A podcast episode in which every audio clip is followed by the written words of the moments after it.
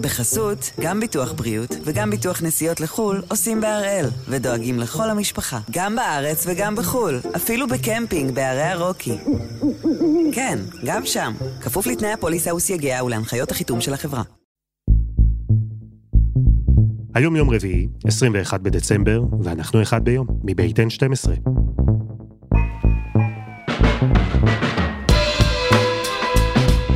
אני אלעד שמחיוף, ואנחנו כאן כדי להבין טוב יותר מה קורה סביבנו, סיפור אחד ביום, בכל יום.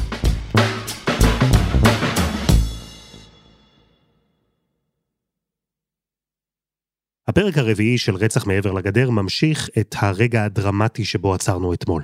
ג'מיל סרור כבר הצליח לשכנע עורכות דין מהמגזר הציבורי שהיו בעיות בהרשעה שלו, שהראיות שבית המשפט שלח אותו למאסר עולם בגינן הן מוטעות, או שלפחות הפרשנות סביבן יכולה להיות אחרת.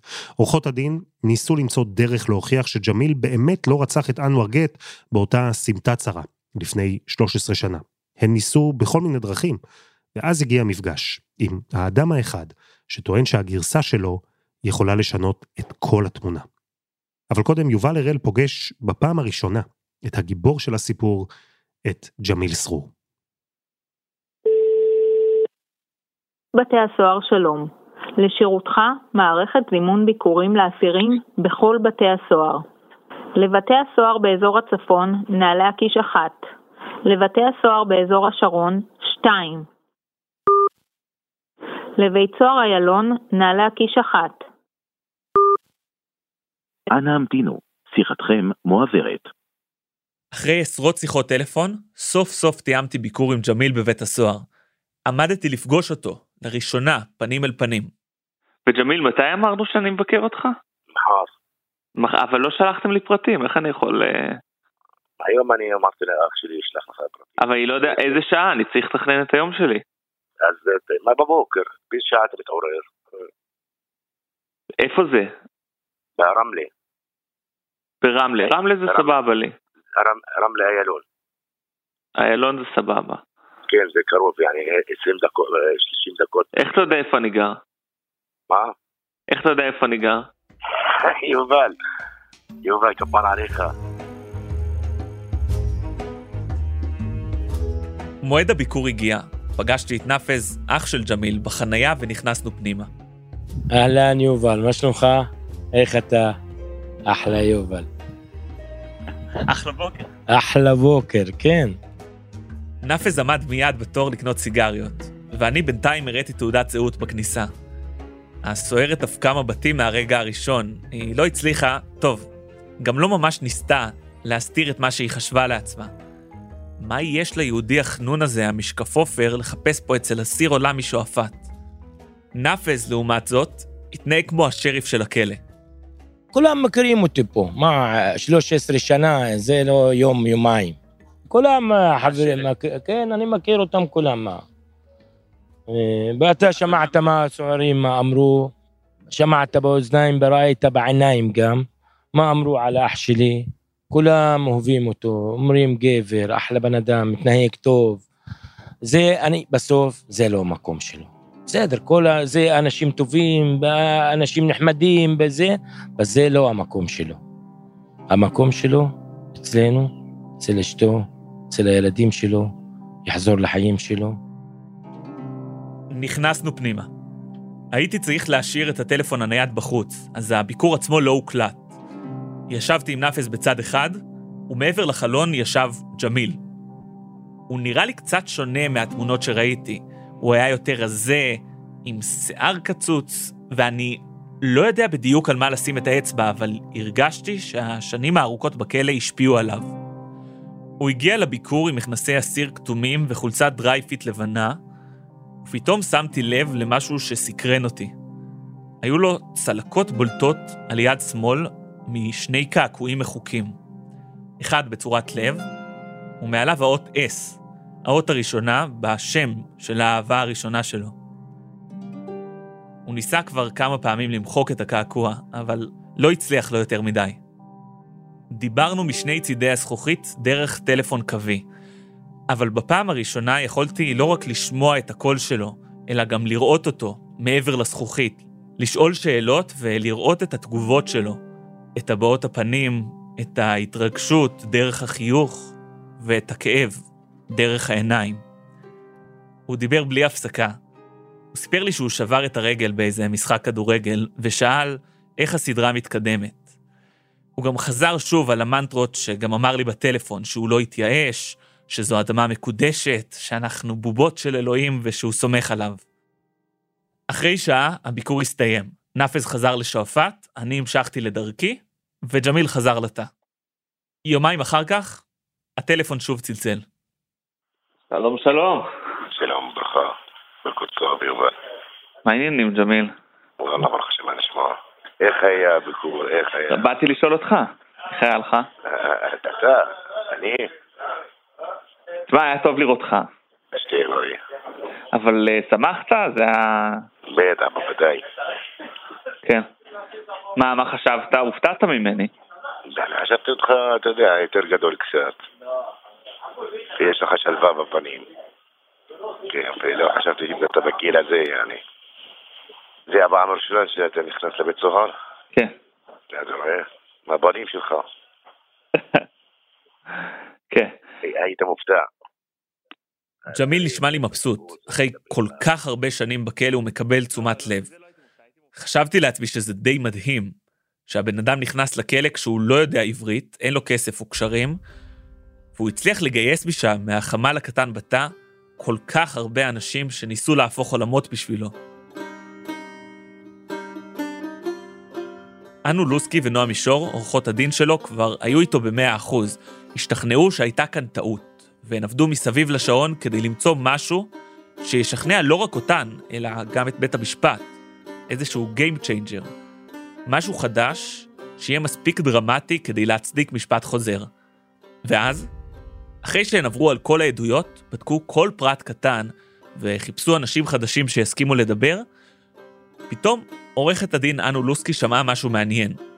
היא שמעה שמישהו ממשפחת אבו עסב, המשפחה שהייתה מסוכסכת עם ג'מיל, מוכן כנראה לדבר. לאיש הזה קראו חאדר אבו עסב. חאדר אבו עסב הוא בן למשפחת אבו עסב, שבמהלך האירועים האלה אה, חלק מהרכוש שלו נשרף, והוא מעולם לא קיבל על זה פיצוי, הוא היה מאוד מאוד ממורמר. באותו לילה בשועפאט, כשמשפחת גט תקפה את משפחת אבו עסב כנקמה על הרצח, גם הבית של חאדר נשרף. הוא כעס שהוא איבד את הרכוש שלו בגלל סכסוך שאנשים אחרים מהמשפחה שלו היו מעורבים בו. זה היה הקרע הראשון בינו לבין חלק מהמשפחה, אבל מאז היו כמה סכסוכים כלכליים נוספים בינו לבינם, לכן צריך להקשיב לדברים שהוא אומר בחשדנות. אבל ממה שעורכת הדין אנו לוסקי הבינה, חאדר רצה למסור מידע דרמטי, ג'וקר. המידע הכי קריטי שיכול להיות בתיק הזה, Game Changer לחלוטין, מה שנקרא חלומו הרטוב של כל עורך דין. שלאחר האירוע, בני משפחת אבו אסב, כולם, התקבצו ביחד, בבית אחד, שוחחו על האירוע, על מה צריך לעשות, והחליטו במודע, במשותף, להפליל את ג'מיל סרור בפרשה הזו. ולדבר הזה כמובן יש משמעות אדירה, היות ובני משפחת אבו עסב הם היחידים שבעצם הפלילו את ג'מיל. פתאום כל הנקודות התחברו לה. היא תמיד חשדה שהיה תיאום גרסאות בתיק. כי העדים ממשפחת אבו עסב כולם נתנו גרסה כמעט זהה. הם היו היחידים שזיהו את ג'מיל בזירה. היחידים שדיברו על שני הורים מאותה נקודה. היחידים שתיארו כמה נקודות קריטיות באופן זהה אחד לשני, ובשונה משאר העדים בתיק. אז היא הייתה חייבת לפגוש אותו. ובאמת, במשך חודש וחצי, אני אה, רודפת אחריו, משאירה לו עשרות הודעות, טלפונים וכולי, עד שהוא מסכים שנבוא לפגישה. אנחנו מגיעות לאזור מפעלים בבית שמש, וכאשר אנחנו מגיעים לשטח, אנחנו רואים מין צריף פחונים קטן, שאליו מחוברת אה, גדר תיל גבוהה, ואנחנו שומעים הרבה מאוד קולות. הפגישה לא נמשכה יותר מחצי שעה, אבל לא כמו שאנו ציפתה. במסגרת השיחה עם חדר, הוא אומר, הוא לא מוכן לעזור, ובטח שלא אה, אה, להגיד שום דבר, והוא אומר, היה פה למעשה עסקה משולשת, אנחנו איבדנו כסף, בני משפחת אה, ג'ט איבדו את חייו של המנוח, וג'מיל סרור איבד את החירות שלו. ומבחינתי, המשולש הזה קבוע ולא צריך להתערב בו, זה מאוזן לכל הכיוונים. אני בעקבות זה מתרעמת. ומנסה אה, בכל כוחי קצת לערער אותו ולהגיד לו שככל שהוא לא יסכים לבוא ולדבר, הוא בעצם גוזר את דינו של ג'מיל סרור, גוזר את עתידו, לכך שהוא ימשיך לרצות מאסר, כרגע לא קצוב, וככל שהרוחות אה, מתלהטות יותר ויותר, תוך כדי זה אנחנו, השותף שלו אה, מעמיס על הטנדר שלהם כבשים אה, שהולכות לשחיטה, אני במקרה גם צמחונית ואני שומעת את הצרחות והכל נהיה מאוד סוריאליסטי, ותוך כדי זה הוא אומר לי פשוט בצורה הכי פשוטה שיש, אם אני אעזור לך, לכן, אז אתן אולי תהיו מפורסמות, ג'מיל סרור אולי ישתחרר, אבל אני אמות. חסות אחת, וממש מיד חוזרים.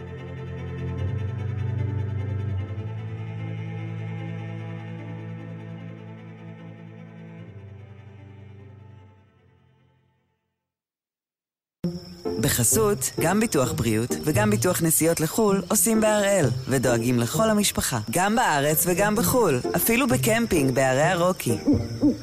כן, גם שם, כפוף לתנאי הפוליסה וסייגיה ולהנחיות החיתום של החברה. אנו זוכרת שחדר חשש לחייו, דאג שיפגעו בו אם הוא יספר מה קרה בשעות שאחרי הרצח. היא חזרה משם בידיים ריקות. בלי עדות מסודרת, לא היה אפשר לעשות כלום. ואנחנו מגישים את הבקשה למשפט חוזר בלי שום אזכור לקיומו של חדר. עם כל הקושי שבדבר. אז הקלף הזה הלך לפח, אבל עורכות הדין של ג'מיל חשבו שעדיין יש מספיק חומרים בשביל בקשה למשפט חוזר. לבקשה הזו הן צירפו את אה, חוות הדעת של פרופסור הלל כהן ששמעתם בפרק השני. זאת שקובעת שמשפחת אבו עסב לקחה אחריות אמיתית על הרצח. ולא רק אותה, הן הביאו גם מומחה נשק, שמדד את המרחקים והזוויות בזירה עצמה, והוא אמר שמהנקודה שבה נטען שג'מיל עמד, אי אפשר היה לירות באנואר, היו בתים שחסמו את קו הירי. זאת אומרת, המומחה שלנו אפילו לקח את זה עוד צעד קדימה ואמר, אם הייתם בוחנים את הזירה, הייתם מבינים שבכלל הסיכוי שבו היה אפשר לראות מהנקודה הזאת ולפגוע במנוח, בנקודה שהוא נפגע בה, ונפל בה גם בפיזית, בגוף, אבל גם במקום, בסמטה, במיקום שלו ברחוב, היא לא הגיונית, היא לא אפשרית. בנוסף, במהלך השנים צצו עוד אנשים שלא נחקרו מעולם במשטרה, שטענו שהם היו שם באותו לילה, ומסרו דברים שתמכו בטענות של ג'מיל. חלק מהדברים האלה צורפו לבקשה למשפט חוזר. גם אני, במהלך העבודה על הסדרה הזו, שמעתי דברים חדשים שלא דווחו למשטרה ולא נאמרו בבית המשפט. פשוט כי העדיפו לסגור אותם מתחת לשולחן. כמו למשל מה שאמר לי טייר גט. טייר הוא הבן הבכור של אנואר. הוא היה בן 15 כשאבא שלו נרצח. שמע טוב. אהלן, אתה טייר? כן, אני טייר. זוכר אותי? דיברנו פעם בטלפון, נכון? כן. טייר סיפר שבערך שנתיים אחרי הרצח של אבא שלו, הוא רב עם משפחת אבו עסב ונעצר. ושם, במעצר, הוא פגש את מוחמד פואד אבו עסב, זה שסומן באטווה כרוצח של אביו. כן, הוא אמר לי. לי, אני אהרוג אותך, אני שיצא, אני ארצוח אותך כמו אבא, שאני רצחתי את אבא שלך. הוא ככה אמר לי, מוחמד. מוחמד פואד. טייר טען שמוחמד פואד איים עליו שירצח אותו, כמו שרצח את אבא שלו. אם טייר אומר אמת, זה לא רק איום, זאת גם הודעה ברצח. אבל הוא לא דיווח על זה מעולם, והטענות האלה לא נבדקו. עכשיו, אחרי כל כך הרבה שנים, יש בעיה בגרסאות כאלה, שצצות פתאום, ונאמרו לי או לעורכות הדין של ג'מיל, איך אפשר לבדוק מי אומר אמת? אבל בכל זאת, כל פעם שהייתה איזו התפתחות קטנה, אמירה חדשה של מישהו, משמעותית יותר או פחות, ג'מיל היה על קוצים. כל פעם תלה את התקווה שלו במשהו אחר. זה החיים שלי, מה אני אגיד לך? זה החיים שלי, כפר עליך. אני לא אוותר על החיים שלי ככה סתם. אמרתי לך מתחילת הסיפור, הצדק יצא לאור. זה המדינה המקודשת. בעזרת השם, יובל. אתה לא מבין מה זה סערות, רגשות, אתה לא יודע מה זה, איזה... זה לא, אמרתי לך, זה לא צחוק, כפר עליך, זה חיים שלי.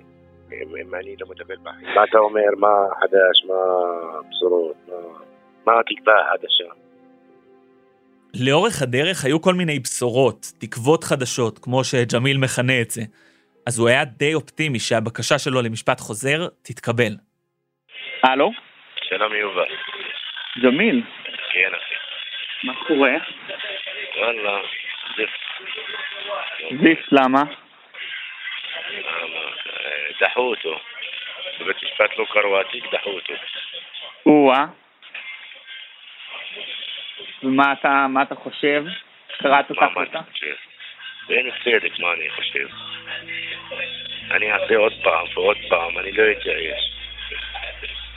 זה סערות של עצבים, בכיתי אפילו.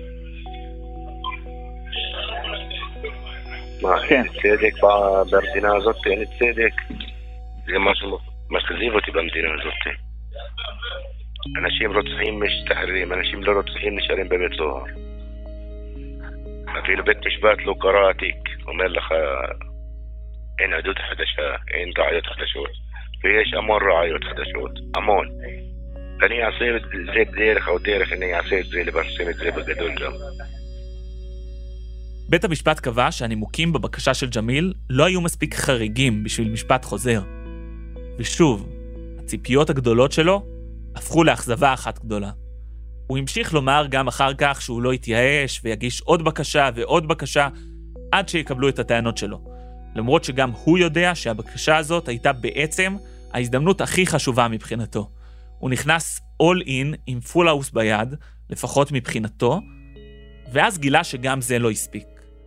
חלפו בערך שלושה שבועות שבהם ג'מיל עיכל את הבשורה. ואז, אז קרה עוד משהו. שלום ג'מיל, מה העניינים? שלום יובל, סליחה על ההפרעה. אתה לא מפריע, דבר. אה, תודה רבה. אה, יש דבר חדש עכשיו יובל. מה חדש? אה, מכיר, שמעת על אחד קוראים לו חאדר אבו עסב, כן. שנרצח לפני שבוע? מה לפני שבוע? הוא דיבר על חאדר, זה ממשפחת אבו עסב שעורכות הדין נפגשו איתו, וסירב בסוף לעזור בטענה שחשש לחייו. לפני שבוע נרצח. מי זה הרוצח? במשפחה שלו, אחד מהמשפחה שלו. הרצח הזה יגדיל את הקרע במשפחת אבו עסב, ומישהו שם ינסה להמשיך את מה שחאדר התחיל. האיש הזה ינסה לפתוח מחדש את הסיפור, את סיפור הרצח של אנואר גט.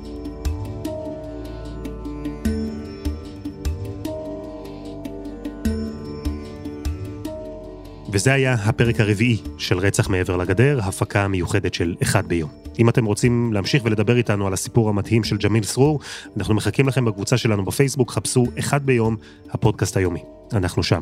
העורך שלנו הוא רום אטיק, את הסדרה הפיקו דני נודלמן, רוני ארניב ועדי חצרוני, על הסאונד יאיר בשן שגם יצר את מוזיקת הפתיחה שלנו, תודה מיוחדת גם ליובל דורון ותומר אלמגור על הסיוע, ולספיר ליפקין על התרגום הערבית. יובל הראל יהיה כאן שוב מחר עם הפרק החמישי והאחרון של רצח מעבר לגדר.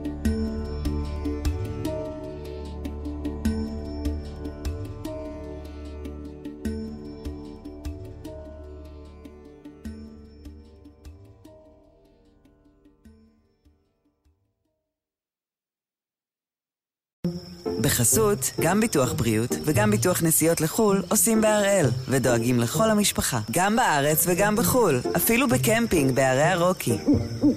כן, גם שם, כפוף לתנאי הפוליסה וסייגיה ולהנחיות החיתום של החברה.